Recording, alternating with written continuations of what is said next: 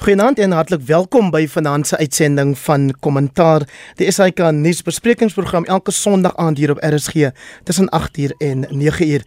Ek is Hendrik Weingart en vir vanaand se program het ek die voorreg om die volgende 3 gaste aan julle bekend te stel. Eerste, uh, Rolf Meyer, hy's 'n oud kabinetslid en ons onthou hom as 'n veelpartye onderhandelaar. Daai iemand wat veral in die sakewêreld en in die uh, die wêreld van uh, die die die burgerlike samelewing uh, belangrike rol speel. Rolf, baie dankie vir jou tyd vanaand. Dankie, Heinrich, dankie my genooi. Dan saam met uh, Rolf het ons vir professor Dirk Kotse, hy's 'n politieke wetenskaplike van uh, Unisa. Dirk, baie welkom ook aan jou. Baie dankie. Goeienaand aan almal. En uh, dan ons derde deelnemer vanaand, Theo Venter is 'n onafhanklike politieke en beleidsontleder daar in Noordwes. Baie welkom aan jou Theo. Goeienaand almal. Ons gaan vanaand praat oor die aanstelling van regter Raymond Zondo as die nuwe hoofregter. Ons gaan ook praat oor die jongste verwikkelinge aangaande die oorlog tussen Oekraïne en Rusland. En dan wil ons kyk na die moontlikheid van die einde van ons rampstaat inperkings en ek hoop ons gaan ook tyd kry om te praat oor die twee mosies van wantroue in president Cyril Ramaphosa wat beplan word vir die komende dae. Kom ons begin met die oorlog Theo Venter. Vertel vir ons waar staan sake nou min of meer net so ietsie meer as 2 weke na Rusland Oekraïne ingeval het. Ja, ehm um, ek moet net eers ehm um, bely uh, Heinrich in 'n gesprek 3 weke gelede het jy my direk gevra dink ek daar gaan 'n oorlog kom en my antwoord was nee. Ehm um, so op hierdie ene was ek beslis heeltemal verkeerd. Daar het daar het 'n oorlog gekom en ehm um, amper 3 weke ehm um, so ek dit noem ehm um, 'n mislukte blitzkrieg. Met ander woorde die Russe het gedink dis vinnig in intimideer uh die Oekraïners neem die stede oor ehm um, plaas 'n nuwe regering wat hulle goedgesind is en dan daarna kan 'n klomp ander opsies ontwikkel. Maar in twee of drie goed het gebeur wat anders is en ek sal daarmee volstaan. Die eerste ene wat gebeur het is die Russe se se logistieke proses hoe hulle die aanval geloods het is vertraag. Dit is vertraag op grond van logistiek, dis vertraag op grond van hoe die ehm um, Oekraïners teruggeveg het en uh, dit is vertraag omdat hulle ehm um, basies dienspligtiges gebruik 80% van daai invalsmag is dienspligtiges en nie professionele soldate nie.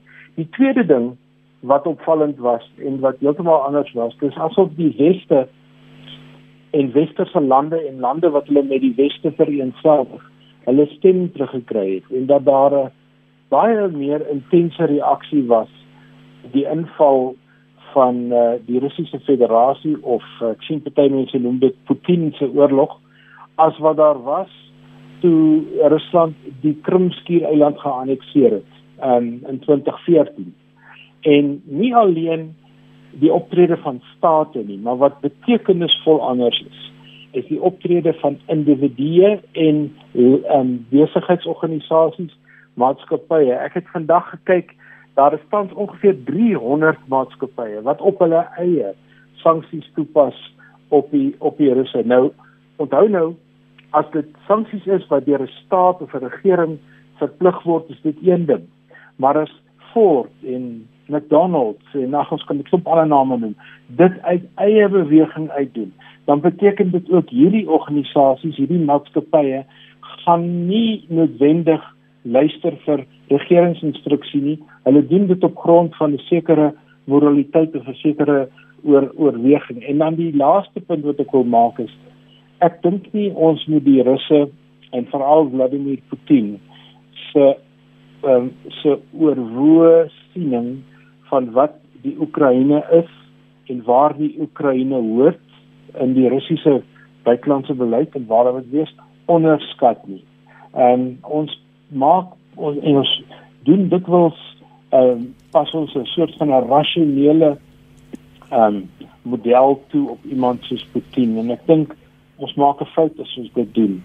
Ehm um, ek het 'n baie interessante artikel gelees gister wat die vraag vra is die Russe so wreed wanneer hulle oorlog maak of is Putin so wreed wanneer hy oorlog maak? En die die ehm um, die ou wat die artikel geskryf het het gesê nee nee, as jy teruggaan in die Russiese geskiedenis en jy gaan so ver terug as 2 300 jaar is wat op die oomblik gebeur uh, met die Russiese inval in die Oekraïne is klassiek en tipies Russies, dis nie uitsonderlik Putin nie. Um, en uh, ek dink dis 'n belangrike ding dat ons ook die politieke kultuur en die militêre kultuur moet begryp en verstaan. Ek dink die oorlog gaan nog 'n rukkie aanhou. Rolf, jy was dan net 3 weke gelede deel van die paneel om vir Theo regte gehelp dat daar wel 'n oorlog op pad is nie. Het jy dit sien kom en wat is jou reaksie op waar sake nou staan 2 weke later? Ja, ek moet ek, ek stem saam met jou. Ek het ook nie die oorlog verwag nie en ek het nou nie jy weet ek so nabye toeskouer van die situasie in die Oekraïne en Rusland nie, maar maar ek het dit so op 'n afstand opgehou vir een rede en dit is dat ek was in die laaste jaar gevra om 'n bietjie my oog te gooi oor die oor die verwikkelinge in Belarus. Nou alleen van uh, van die feit dat die president daar Lukashenko in 2020 eh uh, nie die uitslag van die verkiesing wou aanvaar nie en daar was baie groot opstand daarteen en toe is daar vir die jaar pogings aangewend om te kyk of daar nie dalk 'n verbetering van die situasie binne in Belarus kan ontstaan. Ek sien net daai verduideliking om te sê dit is ook om ek net 'n bietjie my oë gegooi het ook oor die verloop van gebeure in die streek. En en uh, en ek moet sê niemand wat ek mee gepraat het uh, wat na aan die situasie is Belarus, Rusland, Oekraïne het verwag dat daar 'n oorlog gaan uitbreek nie. So dit was 'n verrassing geweest. Goed en dit is 'n goeie geselskap. Ek glo nie. Nee, ek sê sommer Theo is dan 'n goeie geselskap. Ek ons luister na jou Rolf. Nee, maar hy hy hy maak dit is in dieselfde geselskap. so ek ek dink dit is die dit is die die agtergrond daar, jy weet, maar as 'n mens nou teruggaan kyk na na wat oor die afgelope 30 jaar gebeur het, dan dink ek moet 'n mens tog verduidelikings gaan soek en ek wil nie op die detail daarvan ingaan nie, want dit dit gaan ons hele aand besig hou. Maar maar een ding wat vir my opval is die feit en dit meer meerdere kommentators het dit gesê in die afgelope 2, 3 weke dat na die einde van die Koue Oorlog was daar bitter min gedoen om demokrasie vaardig te maak in in Rusland en omstreke.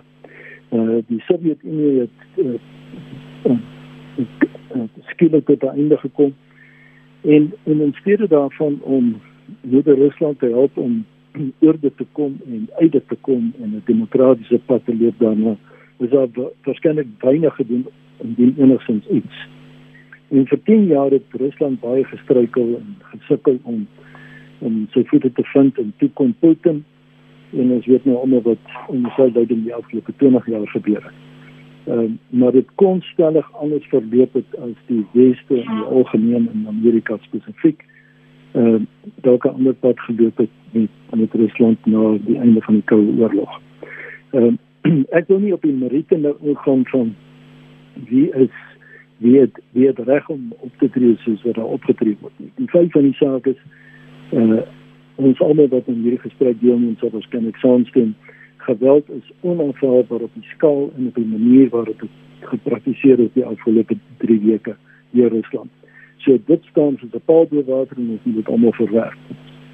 Ehm is daar 'n moontlikheid van 'n van 'n onderhandelde skikking op hierdie stadium? Ek moet sê tot en met Vrydag was ek baie huiwerig en ek het nou ek het moeite gedoen die afgelope 3 weke om die gebeure te volg. Ek het probeer om sowat as moontlik te lees en ook van die bronne wat ek geraadpleeg het in Belarus deurentyd uh, op hoogte gebly.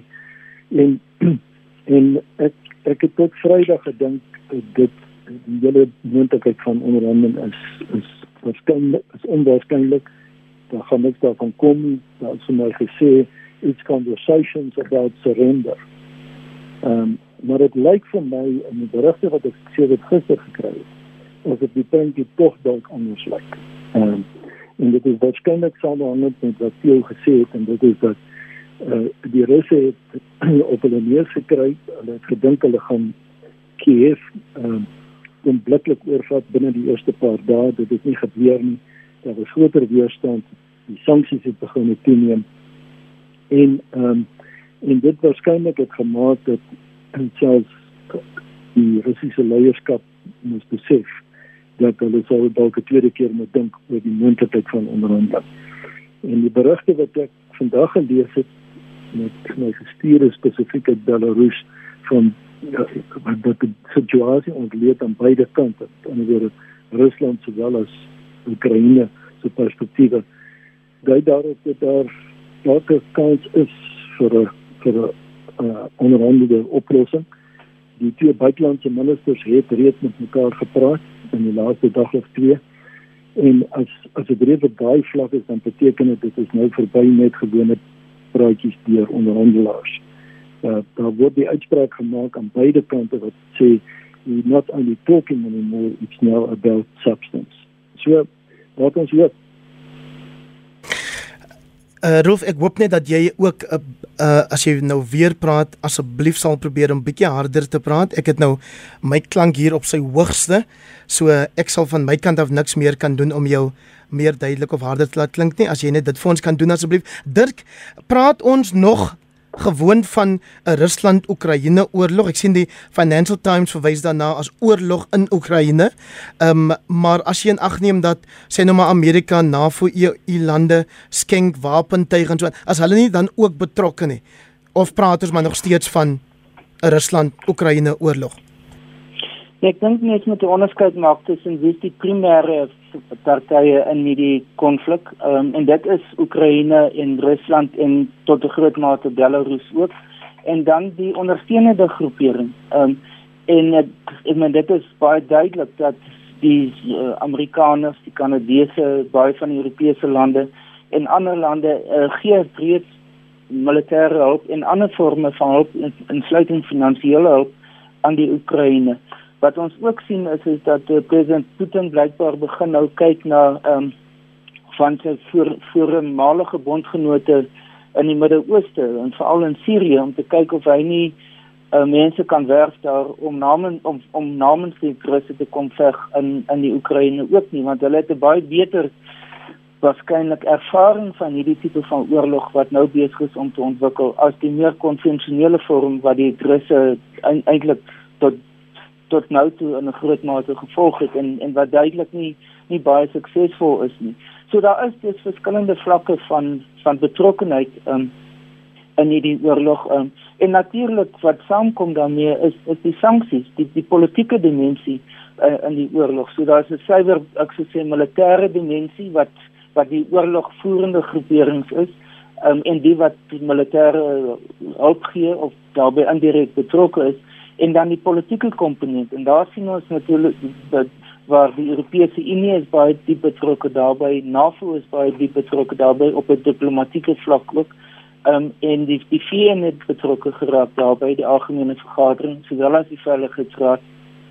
Ehm um, en dan waar omtrent die hele wêreld in is saam met met die sanksies. En die sanksies dink ek moet mense ver, verstaan as daar die die direkte sanksies weer eens en dit wat deur die Europeërs en die Amerikaners en en ander lande uh, Australië en ander lande reeds as as land implementeer. Maar daar's baie uh, sanksies wat indirek plaasvind. In Suid-Afrika word direk daardeur geraak. Men byvoorbeeld die sanksies wat bespreek is uh, in die bankwese uh, geld ook vir Suid-Afrikaanse banke. So Suid-Afrikaanse banke mag nie meer met met Russiese banke of banke wat met Russiese met Rusland ehm um, sake doen, uh, meer by betrokke wees. Ditselfde het of geld nog ook in die geval van die sanksies met Iran. So dit het dit die situasie is besig om uit te kring dat daar is eintlik baie min lande in die wêreld wat nie op een of ander manier geraak word daardeur of op direk of indirek daarbey betrokke is. Rolf, kom ons begin of uh, liewer Theo, ekskuus, kom ons gaan nou na die kwessie toe wat eintlik ons hoof fokuspunt vir vanaand se bespreking oor die oorlog moet wees, naamlik 'n moontlike bemiddelingsrol vir Suid-Afrika. Ons weet die storie begin donderdag by 'n tweet van president Ramaphosa nadat hy 'n telefoniese gesprek gehad het met die Russiese president Vladimir uh of ja uh, uh, met uh, Putin. Ehm um, so laat ons hoor ek bedoel hoe ernstig neem jy dit op? Ehm um, ek weet nie of jy gister ge geluister het na Dirk toe hy op naweek aktueel oor gepraat het nie, maar laat ek net 'n sin kry van jou af oor of jy dink ons maak nou hier dit uh, jy weet heeltemal groter as wat dit kan wees. Ek dink ons maak dit groter as wat dit kan wees vir drie vir drie baie belangrike redes en ek het toevallig gister na Dirk geluister En die eerste punt is 'n punt wat Dirk reeds gemaak het. Die lande wat direk daarbey betrokke is, is die lande wat die Swart See deel met Rusland en Turkye staan uit en Israel is ook nader. So ek dink 'n mens moet dit in die eerste plek die die geografiese komponent bereken. Die tweede ding en ek dink Rolf het daarna verwys, dit sou my tweede punt wees en dit is onderhandelinge begin onder baie spesiale omstandighede. En die spesiale omstandighede is wanneer twee partye aan weerskante van 'n konflik tot die besef kom dat hulle nie vordering maak en dat hulle nie dat hulle nie die deurbraak kan maak wat hulle wil maak nie of wat ook al. Daar is dit is wanneer hulle a, kom ons met 'n politieke muur tref en dan na uitkoms soek.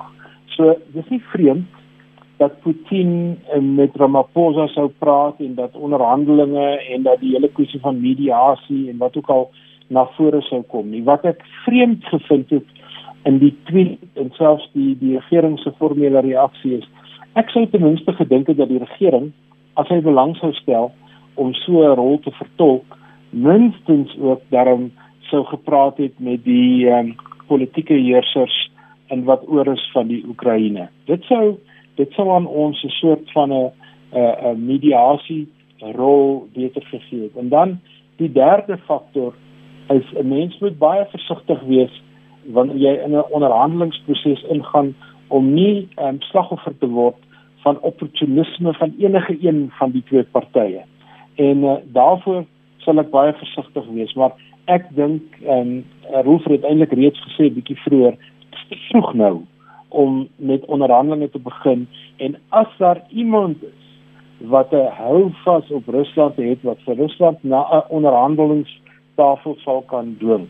Is dit nie die Amerikaners nie dis nie sanksies nie dit sal China wees in my oë. So Rolf eh, daar is um, mense soos Brett Herron van die Good Party wat ek nog vanmiddag op televisie hoor sê het, Suid-Afrika omdat ons 'n geskiedenis van konflik het en waar ons strydende partye bymekaar moet kry, is daarom nie 'n 'n te slegte, jy weet, 'n 'n keuse vir 'n bemiddelaar nie. En gister het ek gehoor, of liewer gister was ek daar by 'n boekbespreking in in Pretoria, Gasfontein waar Dirk ook was en en Dr Leon Wessel se boek Encountering Apartheid's Ghost is bespreek maar waar nou ek wil verwys is dat hy in daai boek skryf daar was geen ander hoofonderhandelaar vir die nasionale party met ons eie ervaring hiervan um onderhandel oor 'n nuwe um vir 'n skikking as Rolf Meyer nie. Kan 'n mens daai ervaring gebruik en sê daarom is Suid-Afrika omdat jy en Cyril Ramaphosa aan die ander kant um jy weet hierdie gesprekke gelei het, is Suid-Afrika dus in 'n goeie posisie om 'n bemiddelaar te wees in hierdie soort konflik wat ons sien daar in Oekraïne, Rusland. Ehm um, Heinrich en ek hoop jy kan my beter hoor nou. Ehm um, die die die objektief gesproke sou dit so wees dat Suid-Afrika 'n rol kan speel want ek dink ons het goeie ervaring wat gebruik kan word in 'n situasie soos hierdie wat daar afspeel. Maar ek voorsien op hierdie tydstip geen rede hoekom ons inderdaad direk betrokke sou wees nie. Daar is verskeie ander rolspelers. Macron beskik is is betrokke. Uh, Scholz is, is, is betrokke van Duitsland. En en 'n verskeidenheid van ander. Daar's ander wat hulle hulp aangebied het. Gerard Schröder, die voormalige kanselier van Wes-Duitsland of van Duitsland liewer, het sy hulp aangebied en en dit is verwerk deur deur die Oekraïne die enigste persoon wat se naam nog nie so ver genoem was in die hele proses nie is die van Angela Merkel. Ek persoonlik dink dat sy dalk 'n rol kan speel as dit dat is nog altyd 'n goeie verhouding tussen haar en en Putin en en daar is die moontlikheid dat ek dink sy 'n rol kan speel en daar is mense wat haar naam meer en meer noem vir die doel. Uh maar die maar die punt van die saak is Suid-Afrika is ver verwyder van die inhoud van die konflik. Ons verstaan eintlik verskriklik min daarvan. Dit is 'n baie komplekse konflik en dit kom oor dekades as dit nie eeu is nie. So uh, dit gaan vir ons baie moeilik wees om ons in te graaf in 'n in 'n sou ons betrokke raak in 'n onderwerp wat ons eintlik nie meer vertroud is nie. Ehm um, ek dink verder as ek dit mag baie pertinent sê, ek dink nie daar is 'n groot aptyd om om Afrika as sodanig betrokke te maak in die in die onderhandelings nie. Ehm um, president Ramaphosa en president Putin mag 'n persoonlike verstandhouding hê as gevolg van BRICS en so meer en so meer. Maar um, ek dink nie ons moet groot verwagtinge hê vir 'n rol vir Suid-Afrika in die situasie nie. Daar is daar is reeds vele instansies op die op die toneel. Uh, ek weet van sommige van hulle kan hulle by die naam noem. Uh, en soos ek sê, ek dink daar's groot rolspelers wat hier baie graag 'n oplossing sou wil kry. Die mense wat waarskynlik die die meeste afhanklik is van 'n oplossing so gou as moontlik is die EU van wie die nou uh, ekonomiese bande wat bestaan en wat as dit moet totaal afgesny word is dit het dit groot gevolge vir vir die Europa soos dit ons dit ken. Rolfie, jy het vir my bietjie beter geklink, maar daar's nog steeds so 'n dowwe klank. Ek weet nie of jy dalk ehm um, gebruik jy jou jou handvrye uh toestel of ek, ja. Ek gebruik my handstel en, en ek gebruik oorfoon op hierdie stadium om dit beter te maak. Nee, ek wil nou juist vra of jy nie dalk dit maar wil afhaal nie asseblief en net die foon dalk die die luidsprekertjie gebruik. Goed, ek probeer. Ba baie dankie. Kom ons gaan dan nou aan na na Dirk toe Dirk. Ehm um, sonder om nou te herhaal wat jy gister gesê het, die president het vanmiddag op besoek aan Noordwes weer geklink asof hy reken ehm um, dit is 'n ernstige idee van Putin se kant af dat Suid-Afrika gevra is om 'n rol te speel in die bemiddeling van um, om hierdie konflik tot 'n einde te bring. Ja, ek, ek dink ek wil aansluit by die ander twee ehm um, besprekings van die punt ehm um, in Wierens Suid-Afrika vir my die hoofpunt is Suid-Afrika is baie ver verwyder van die situasie. Tweedens Suid-Afrika het nie die die die gewig in die internasionale gemeenskap om te onderhandel in 'n situasie waar een van die lande 'n 'n permanente lid van die veiligheidsraad is en 'n voormalige supermoondheid is en 'n kernmoondheid is. Ehm um, so dit is by wonderhalwe die feit dat ons nie die interne omstandighede in die interne en die historiese omstandighede en al die verskillende faktore wat in so 'n proses tot sprake gaan kom dat ons nie eintlik baie daarvan weet nie. Ehm um, ons het baie beter funksioneer by byvoorbeeld in die konteks van Suider-Afrika en Saudi of South Burundi en ander Afrika lande, maar dis nie 'n omgewing waarin ons baie effektief sou wees nie. Selfs met president Mandela wat aan die begin opgetree het as 'n bemiddelaar teen tussen Libië en en uh, en Brittanje.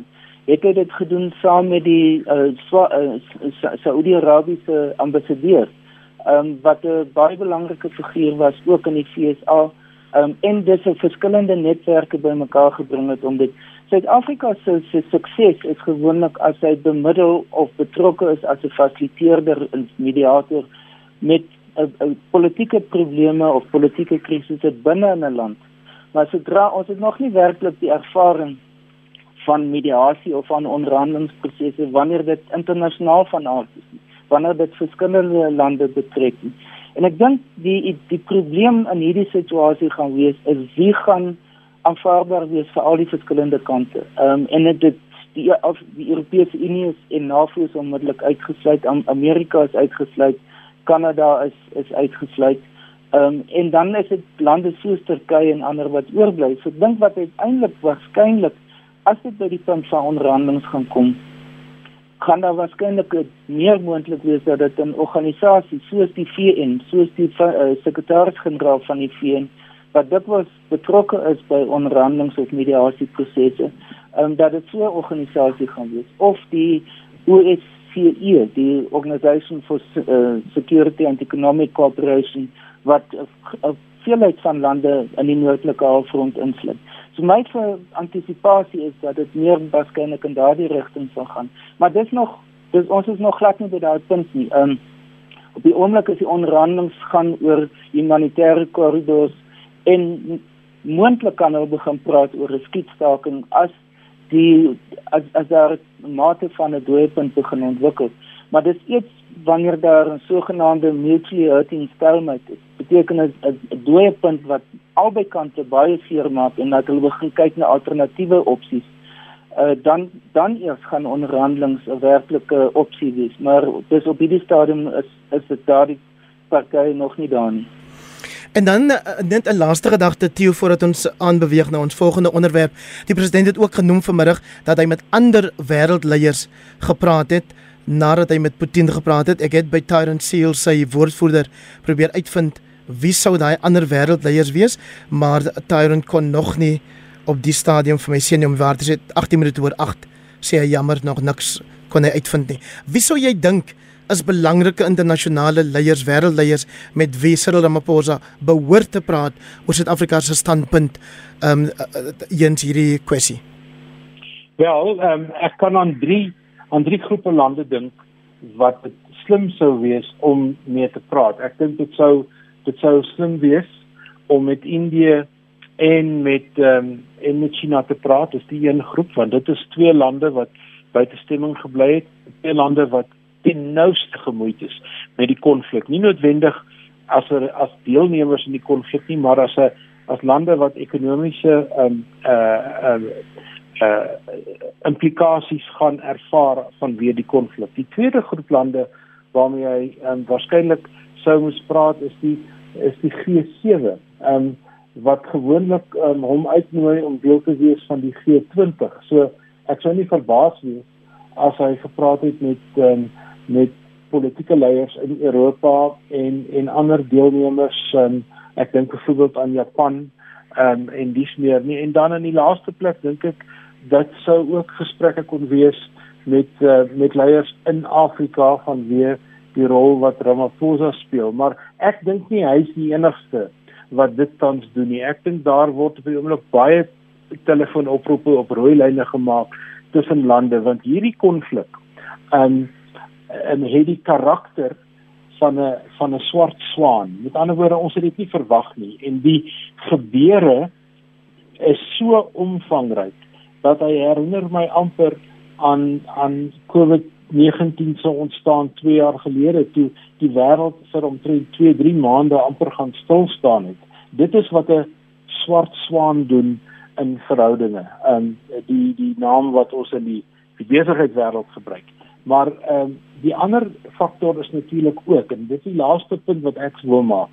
In onderhandelinge moet 'n mens dikwels baie sensitief wees en jy moenie toelaat dat jou opponent oor kan die tafel te seer kry nie.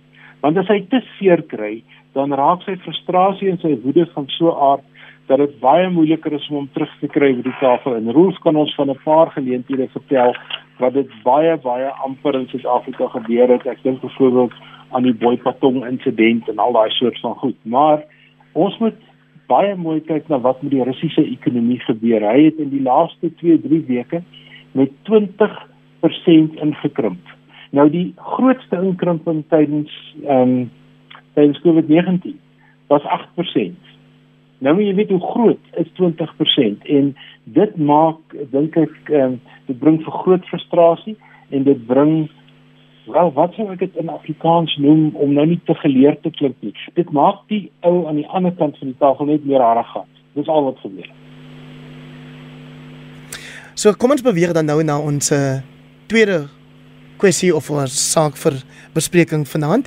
Dit naamlik die aanstelling van regter Raymond Zondo as ons nuwe hoofregter. En ek weet mense kla dikwels dat die president tog so stil is oor belangrike goed waaroor hulle hom wil hoor, so lank vat om besluite te neem of om daai besluite te kommunikeer. Maar hier weet ons nou, hy het sy besluit geneem teen sekere mense se verwagtinge in uh, of se wense in uh Rolf en dit is dat hy regter Raymond Zondo aanstel eerder as die regterlike dienskommissie se aanbevole kandidaat regter Mandi Samaya.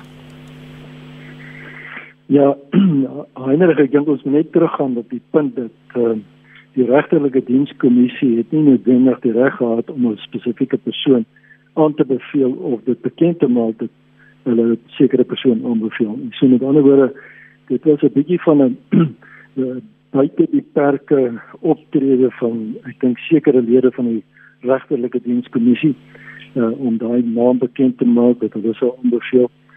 Uh, die president was nie gebonde daaraan nie. Uh, hy is ook in elk geval nie gebonde aan aan die oorwegings van die regterlike dienskommissie nie, maar hy is hy is verplig om dit in ag te neem en hy is verplig om dit ook met leiers van ander politieke partye te bespreek. Ek wat ek dink ons gesien het is dat die president het probeer om die proses vir die aanstelling van die nuwe hoofregter so wyd as moontlik te span. Mens moet onthou dat hy 'n uitnodiging aan die publiek gerig om selfs voorstelle te maak. En daarna etlike maande gevolg van van uh, konsultering, openbare deelname en so meer wat waarskynlik 'n mens kan sê 'n goeie idee was 'n goeie proses wat wat gevolg is. Sekere politieke groeperinge het dit probeer kaap ongelukkig en dit het gemaak dat daar baie kritiek was op die proses wat die regterlike dienskommissie gevolg het. Ehm um, daar was baie sterk uitsprake daarteen gemaak en sommige van die individue in die regterlike dienskommissie het baie sterk deurgeloop ook in die in die onder die regspraktisyns. Hoe dit ook al sê die president dink ek het op die ou en 'n keuse gemaak in my oordeel persoonlik dink ek die regte keuse gemaak. Regter Zondo het homself oor jare bewys as 'n ervare regsman. Hy is die ehm um, adjunkt president op die huidige tydstip. Hy was waarnemende hoofregter. Uh so met ander woorde, dit is eintlik die proses wat 'n mens sou hoop gevolg moet word uh, by die aanstelling van die van die hoofregter. Ons kan onthou in die verlede was uh die adjunkt president wat toegedien het die Kamoseneki by twee geleenthede oorgesien vir aanstelling as hoofregter. En en daar was groot kritiek daaroor. Ehm um, hy was net doodgewoon oorgesien vir wat die redes ook al mag wees maar sonder sonder meriete. En en en ek dink wat ons nou hier sien is die regte praktyk. Dit is is op meriete gedoen. Waarskynlik enige een van die vier kandidate kon aangestel gewees het. En dan kan mense sê maar hoekom dan nie hoofregter sonde nie of uh, adjunkt hoofregter sonde nie. Ek dink persoonlik is 'n goeie keuse. Ek dink ook die wyse waarop die president besluit het om nou reeds die adjunkt president aan te wys uh, is ook 'n goeie aanwysing. Ek dink dit bring balans, dit dit bring sekerheid. Dit gee ook die die aanduiding dat die nie aangestelde adjunkt president van die hof waarskynlik die volgende hoofregter gaan wees. So daar is daar is stabiliteit uh, en ek dink dat die wat die regsprofessie aanbetref wat die wat die uh regs uitsprake aanbetref, wat die optrede van die howe aanbetref, bring dit stabiliteit. Dit is iets waaroor baie mense in die, in die jongste tyd gevra het en dit is dat daar groter stabiliteit moet wees in die regs ehm um, in die, in die, in die, in die, in die hooggeregshof ehm um, proses. En ek dink dit uh, dit help dit help om daai stabiliteit te bring. So in geheel gesproke dink ek dat die president hier 'n baie na my oordeel korrekte stap geneem. En soos wat uh, regter Johan van der Westhuizen Vrydag op Spectrum gesê het, Dirk, is dit darm nie asof die regtelike dienskommissie hoewel hulle nou skynbaar hulle self verbeel dat hulle aanbeveling aanvaar moet word, het hulle darm terselfdertyd nie gesê dat die ander 3 kandidate nie aanstelbaar is nie. Ja, dit dit dink ek is 'n belangrike punt. Uh soos ek dit verstaan is die die funksie van die regtelike dienskommissie om 'n lys op te stel met sekere voorkeure, maar nie net een naam aan uh, aan die uh, president te gee nie. Ehm um, so in in hierdie geval was soos ek dit verstaan ook is daar is, is geen een van die vier dis uitgesluit nie. Hulle het vir spesifiek hulle eie voorkeur geïdentifiseer. Ehm um, dit beteken dat enigiemand van die vier werklik gekwalifiseer het. Ek dink van net om dit vinnig vir my punt op te som of my houding is is dat ehm um, in die geval van regter Zondo omdat hy die die sittende adjunk uh, hoofregter is in sy geval was dit eintlik die funksie van hierdie proses gewees wat dat dit moes wys tot watter mate hy gediskwalifiseer word daarvan. Ehm um, want hy is reeds die adjunk hoofregter. So dit is hy hy reeds tot die die vlak gevorder net voor die van 'n van die hoofregter. Ehm um, in die geval van die ander 3 kandidaate moes hulle hulle kwaliteite bewys. Ehm um, en en nie noodwendig wat hulle diskwalifiseer nie, maar wat kwalifiseer hulle om hoofregter te word. So en daar uit daardie oogpunt het die regter Zondo 'n breedse voorsprong gehad um, weens die feit dat hy waarnemende hoofregter was en ook die die sittende ad, uh, adjunk. Terselfdertyd dink ek wat belangrik is is dit wat plaasgevind het in rondom die sondekommissie. Ehm um, het baie van sy sy sy standpunte oor die reg en sy houding oor wat hy ook as hoofregter sal doen dink ek het uitgekom. En een van die punte wat wat ons ek nou reeds genoem is is dat daar 'n mate van ek sou sê skeptisisme is by sommige mense oor die onafhanklikheid van die regbank, die moontlike kwesbaarheid wat hulle het vir politieke invloed, ehm um, die feit dat hulle deur veral die linkerkant president Zuma en ander gekritiseer is dat hulle politieke speelballe geword het vir die regering en president Ramaphosa. Ehm um, so daar het 'n element van onsekerheid ontwikkel oor waar staan die regbank en hoe onafhanklik is hulle? en tot watter mate kan hulle die oppergesag van die reg afdwing? En ek dink die die baie sterk standpunt wat uh, regter Zondo ingeneem het wat onder andere gelei het tot die vonnis van president uh, Zuma omdat hy nie uh, by vir die kommissie verskyn het nie. Het die die die uh, die lof gekry dat hy um, baie sterk gestaan het ten spyte van die politieke druk um, om die die oppergesag van die reg te probeer beskerm tot elk tot tot soveel as moontlik en om die regbank se se se ehm uh aansien in die gemeenskap se geloofwaardigheid soveel as moontlik ook te probeer herstel. Um, teen die die soort van kritiek van die linkerkant. En ek dink dis iets wat die ander drie nie kon doen nie want hulle was nie in daardie posisie nie, maar dit het definitief 'n voorsprong gegee aan regter Zondo om ook te wys dat as hoofregter gaan hy 'n baie sterk standpunt inneem om die regbank te probeer beskerm, om die onafhanklikheid te verdedig um, en om die oppergesag van die reg tot elke prys te probeer laat geld. Hoe sou jy sê Theo as die Sowetanse plakkaat gelei het die afgelope week Maya wait her turn asof dit dan nou weer eens uitgemaakte saak is dat sy sal oorneem as regter Zondo oor 2 en 'n half jaar die tuig neerlê. Wat is daar wat jy gereken het met die onderhoude proses uh wat haar op 'n wyse laat uitstaan dat jy sou geglo het sy is geskik vir die pos? Wel, um, ek wil byvoeg by wat uh Dirk en, en Rolf reeds gesê het. Ek dink dit was 'n 'n baie smart um move as ek dit nou so mooi in Afrikaans kan sê van die president. 'n Slim skuif. Wat, wat, wat hy um wat hy kontinuïteit handhaaf ehm um, deur Zondo data hou, maar dat hy iemand wat reeds ehm um, belangrike werk in die appelhof gedoen het met die vernuwing en met verandering van prosesse en die en die verloop van hofsaake en dies meer om so iemand nader te bring aan die konstitusionele hof. Want regter Maya het nie veel ondervinding in die konstitusionele hof nie. Deur haar dan nader te bring daaraan is uh, het hy hy het eintlik hy het eintlik nou gedoen wat Amerikaanse presidente reg kry in hulle termyne deur regters aan te wys wat verby hulle termyne loop. En en ons weet nou dat Trump het dit reg gekry om die regbank eintlik vaste pen in 'n in 'n in 'n regterkant, regse kant van die Amerikaanse politiek.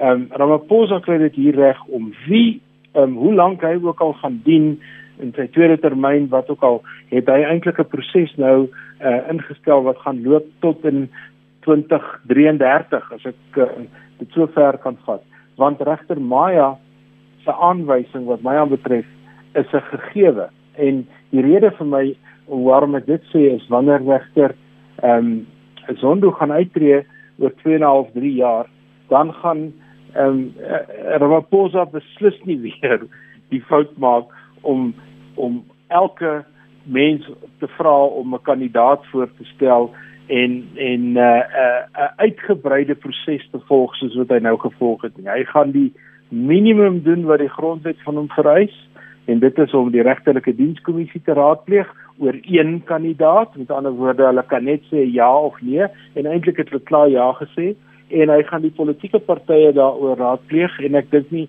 dit gaan 'n vreeslike 'n verandering inbring nie. So ek wil amper sê regter Maya se aanstelling is wat my aanbetref feite komplie.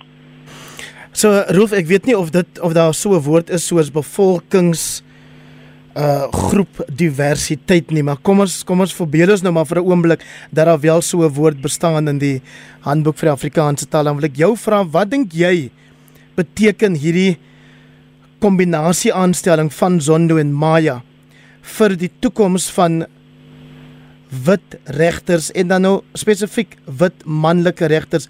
Ons het in die onderhoude gehoor Zondo het gesê nee, hy reken daar is nog plek en hy sal eerder wil hê dat daar meer uh swart regsmense moet wees wat spesialiseer, sê nou maar soos hy in patente reg teenoor regter Maya wat gesê het, sy reken daar is nog 'n rol vir wit mans en dit is um om die jonger swart regters bietjie touwys te maak.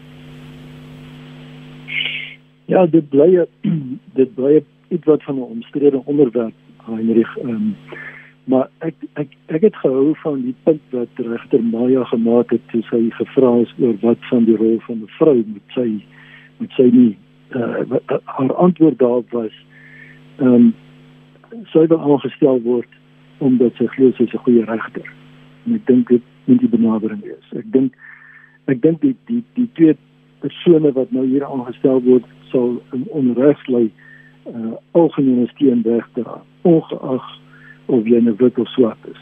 Um, en ek dink dit moet bo die norm te wees. Ek ek hoop ook dit sal vorentoe so in ag geneem word. Daar was uit die aard van die saak 'n behoefte in die afgelope 30 jaar om om aanstellings te maak op die regbank om 'n groter ewigtige uh, verskeidenheid te kan verseker om die optisiteit as daar so woord is uh, beter te laat lyk. Uh, maar ek dink die pad vorentoe moet moet op meriete bepaal word. Met ander woorde die die regters wat aangestel word vir al wat moet kom by die konstitusionele hof. Daai aanstellings moet geskied op die basis van wie is die beste persoon om die land se hoogste hof te lei en ek dink ons moet ons moet probeer om dit te bevorder. Want dit is beslot van sake ook wat die grondwet eintlik verwag. Ek moet jou vra om net daai woord te herhaal. dit dit verwys na die optiese Heinrich. Okay, goed, dan gaan ek dan, dan gaan ek ehm um, aanskuif na na jou toe Dirk. Ons weet daar is nog 'n deel van die Zondo verslag wat uitgereik moet word en die uitstaande kwessies sluit onder meer in die Vrystaatse asbes en behuisingsprojekte staatsveiligheidsagentskap die SAIK self, misdaad intelligensie Eskom die tesorie, 'n hele klomp baie baie baie vername kwessies en instellings na wie dan nog or, oor wie dan nog 'n bevinding gemaak moet word deur regter sonder se kommissie. Ja, ek ek dink wat ons gesien het in die vorige 3, daar's eintlik Your call has been placed on hold. Please um, wait. As as die feit dat daar ehm um, is so baie verskillende ehm um, Your uh, call has been placed on hold. Please wait. Dirk, uh, hou net vir my vas. Ek wil net gehoor, um, is jy nog met ons, uh, Rolf? Your call has been placed on hold. As jy nog met ons steel? Ja, nee, ek is met julle. Okay, dan het ons vir Rolf verloor. Ons sal hom nou weer uh, kry. Dirk, praat asseblief. Ja, ehm hier. Wel, jy het ons nou Ekskuus, ons het dan nou vir Rolf terug. Dankie. Goed. Goed. Ehm um, die die verslag is baie omvattend. Dit bestaan tot dusver uit 3 dele. Dit is sewe bundels van uh van uh van die verslag wat so dit is 'n regtig baie omvattende aspek wat dit lyk my die benadering van die van regter Zondo en die kommissie se span was om dit tematies te doen om te kyk na die verskillende veral die staatsondersteuning die instellings en op grond daarvan aanbevelings te maak. So 'n klomp aanbevelings is reeds daar. Ehm um, wat nou nog uitstaande is is daardie lys wat jy genoem het. Dit sal onder andere ook moet insluit ehm um, die getuienis wat president Ramaphosa aan die kommissie ge, uh, gelewer het um, en dan 'n finale samevatting en en se finale aanbevelings. Ehm um, so dit die finale die die laaste die deel 3 uh deel 4 sal dis baie belangrik wees omdat dit al die verskillende losdrade gaan bymekaar bring um, en vir ons 'n idee gaan gee van wat is werklik die visie wat die regter Zondo wil voorstel hoe om uh, korrupsie in die algemeen uh, vorentoe moeiliker te maak um, om 'n infrastruktuur in die staat te ontwikkel of voor te stel wat uh, dit gaan bekamp en beveg want daar is reeds 'n klomp instellings maar miskien hoe om hulle meer te koördineer um, en ek dink dan wat hy wat hy ook gaan moet doen en dit is 'n taai toffie is hoe om dit ook nie net binne die die die openbare sektor te reël nie maar ook in verhouding met die private sektor want die hele klomp private maatskappye is geïmpliseer in die dele wat reeds bekend is Um, en korrupsie soos ons weet, dit het twee kante. Um, en dikwels is die een kant daarvan kom uit die private sektor. So dit beteken dat daar ook herstrukturering en hervormings in die private sektor nodig is vir effektiewe bekamping van korrupsie. En ek dink dit gaan een van die interessante punte uiteindelik wees uh van wat hy daar gaan voorstel. 'n Klomp van die aspekte wat jy nou verwys het nou, soos byvoorbeeld intelligensie, is daar twee verslae oor uh die Sydney Mufamadi een en die Sandy Africa een. So ek dink daar gaan min wees wat hy nog kan byvoeg by dit. Uh maar dit gaan definitief as alles bymekaar is, alles bekend is en die regering, die ANC sowel as die regering hulle reaksies daarop gaan bekend maak hier rond in die middel van die jaar. Dink ek gaan ons verstaan hoekom hierdie kommissie so lank geneem het en hoekom dit so duur was. Maar hoekom dit na my mening 'n tipe van 'n waarheidskommissie geword het om al die verskillende elemente bloot te stel en boonbehalwe dit om vir die publiek in die toekoms te kan sê of dit dit dit seker te maak dat niemand kan sê vir hulle het nie geweet nie en dat hulle nie die omvang van hierdie situasie verstaan nie. Die verskil teo tussen die waarheidskommissie en hierdie kommissie is weliswaar dat die waarheidskommissie nie sy werk gedoen het in die agtergrond van hierdie faksiegevegte wat 'n integrale deel is van wat ons gebring het tot waar ons vandag is met betrekking tot wat dan nog genoem word die 9 vermoste jare van die Zuma termyn byvoorbeeld nie. Ja, dit is een van die verskille. 'n Tweede verskil was natuurlik dat by die by die Waarheids- en Versoeningskommissie was daar 'n groot premie daarop dat jy ehm um, na vore moet kom met wat jy verkeerd gedoen het en na die oordeel van die kommissie jy dan 'n uh, uh, vrygespreek kon word of dan amnestie kon kry. Ehm um, en dat as dit nie gebeur nie, sou daar 'n regsproses volg wat in baie gevalle natuurlik nog steeds uh, aan die gang is. Die sondekommissie daarteen se instruksie was stel vas of daar staatskaping was en as daar is, gee vir ons uh, advies en gee vir ons aanbevelings oor hoe ons dit moet hanteer. Daar is dus in die sondekommissie se geval reg van die begin af 'n uh, dimensie dat daar 'n um, regsoptrede gaan volg hierna op watter manier ook al en dat daar duidelik uitgewys gaan word hoe dinge loop. Wat die kommissie natuurlik ontdek het en en dit uh, is kom in die verslag uit soos wat Dirk ook gewys het, is dat staats, staatskaping het self sy sy spore voor die Zuma periode gehad en in sekere gevalle na die Zuma periode is dit voortgesit. So dit is 'n baie baie komplekse probleem, maar ek dink die aankondiging hierdie week van vier senior aanstellings in die nasionale vervolgingsgesag. Dink ek ehm um, het het ehm um, is so 'n bietjie oorskadu deur die Oekraïne en die Sonderkommissie en alles, maar daardie was 'n baie belangrike aanstelling of 'n aankondiging ook om te wys dat die regering is definitief van plan om ehm um, regsoptrede te loods in verskillende sake en in alle waarskynlikheid sal hulle een of twee sake kies wat ehm um, goed gehanteer kan word in die howe om te demonstreer dat daar wel iemand in die tronk sou beland. Ons sukkel nou om vir Rolf terug te kry, maar ons sit die gesprek voort Dirk en Theo vir die volgende 8 minute nog. So ek gaan julle albei vra om asseblief net korter te antwoord. Dirk, jy kan asseblief begin deur vir ons te sê of jy saamstem met die DA leier John Steenhuisen en ander belangepartye wat sê laat waai die maskers en enige ander inperkings rampstaat inperkings wat nog bestaan?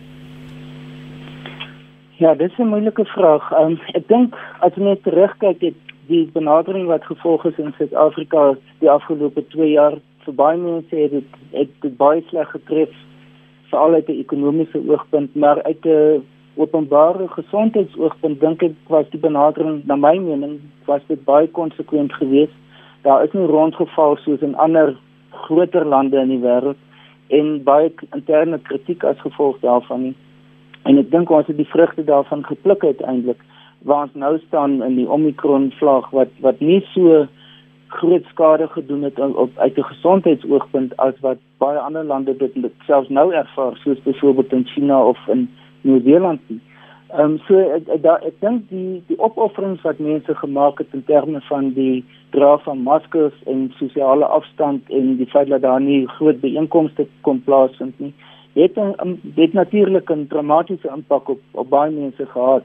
Maar die, die ek dink die oorhoofse effek daarvan was uiteindelik goed geweest of ons by die punt is waar ons dit totaal kan afskaf. Ek is nie 100% seker daarvan nie. Dit almal daar word gepraat van 'n nog 'n uh, vlag wat van uh, wat gaan kom en um, as ons nader na die winter toe gaan.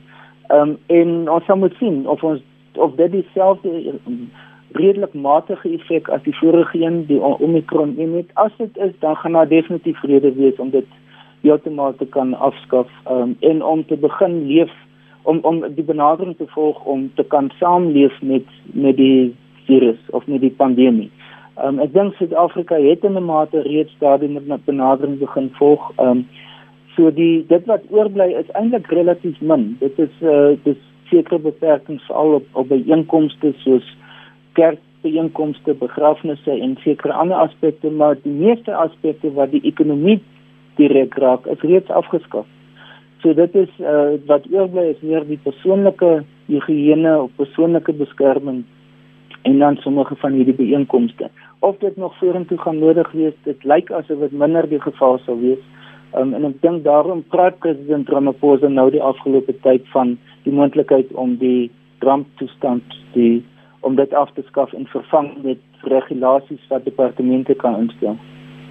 Die nasionale koronabevelsraad vergader blykbaar môre uh Theo, wat dink jy sal daar uitkom? Ehm um, kyk ek moet sê die die verandering in styl wat ehm um, wat Joe Pasla gebring het na die ministerie vir vir gesondheid was betekenisvol. Uh anders as Zweli en Kiese. Beide is mediese dokters. Beide verstaan die die die probleem. Maar ek dink wat Joe Pasla doen is hy gee vir ons 'n soort van 'n aanduiding in watter watter rigting dink hy. En mense tree natuurlik daarvolgens op. En die aanduiding wat hy vir ons reeds gegee het is daar gaan verligting kom en waarskynlik nie meer maskers nie openbaar nie en so meer en so meer. En ek sien rondom my dat mense tree daarvolgens op want mense is antisiperend ten opsigte van wat regerings doen dis nie soos in Duitsland waar hulle jou terugroep as jy oor 'n groen lig stap al is daar nie 'n kar naby nie soos wat dit by gebeur het in Suid-Afrika gaan dit net eenvoudig nie gebeur nie. So ek het 'n idee, ja, ons is op pad soontoe.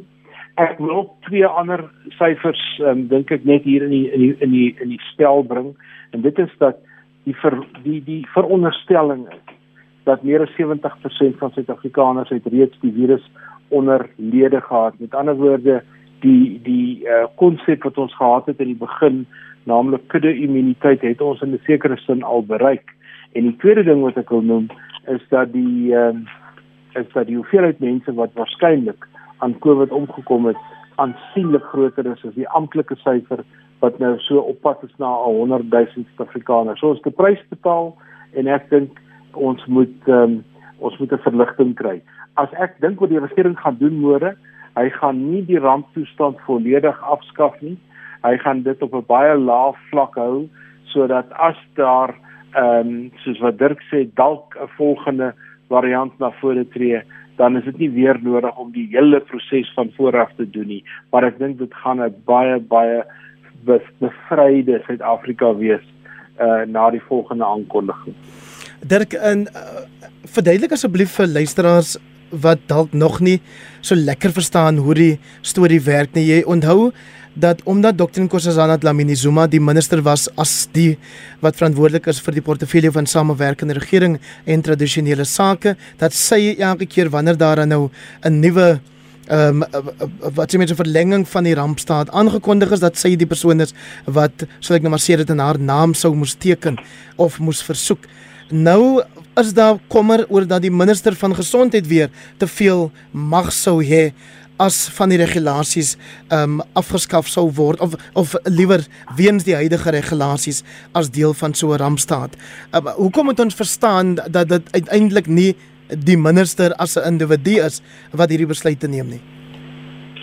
Ja, ek dink net moet dis terug gaan na die wetgewing wat bestaan oor die bestuur van brandtoestande wat wat oorspronklik dink ek meer ontwerp was vir natuurlike brandtoestande as vir hierdie tipe pandemies wat ons soos wat ons nou het. Maar daarvolgens moes moet die kabinet 'n een persoon gedien, een minister geïdentifiseer het om die die die die ramptoestand te bestuur. Ehm um, en dit is toe nog geïdentifiseer dat dit Dr. Dlamini Zuma is. Ehm um, die res van die wetgewing is eintlik nie gevolg nie want byvoorbeeld die idee van 'n die uh, bevelsraad verskyn nie in in die wetgewing.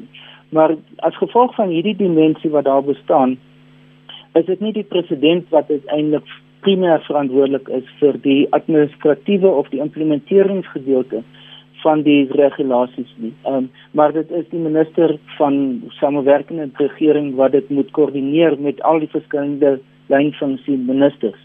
Nou as die brandtoestand afgeskaf word, dan beteken dit dat hierdie wetgewing nie meer te sprake is nie. So hierdie reëling dat sy die koördinerende minister is tussen die minister van gesondheid en die minister van binnelandse sake en en al die ander dit verdwyn dan.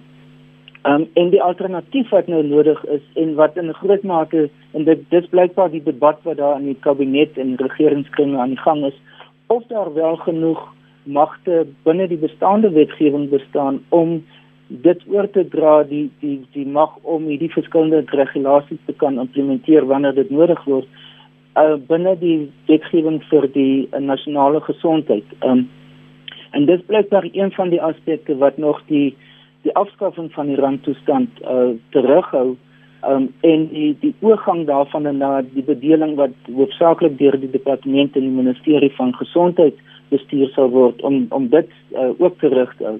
So ek dink so so daar groter duidelikheid daaroor is dan gaan ons waarskynlik die skuwe sien.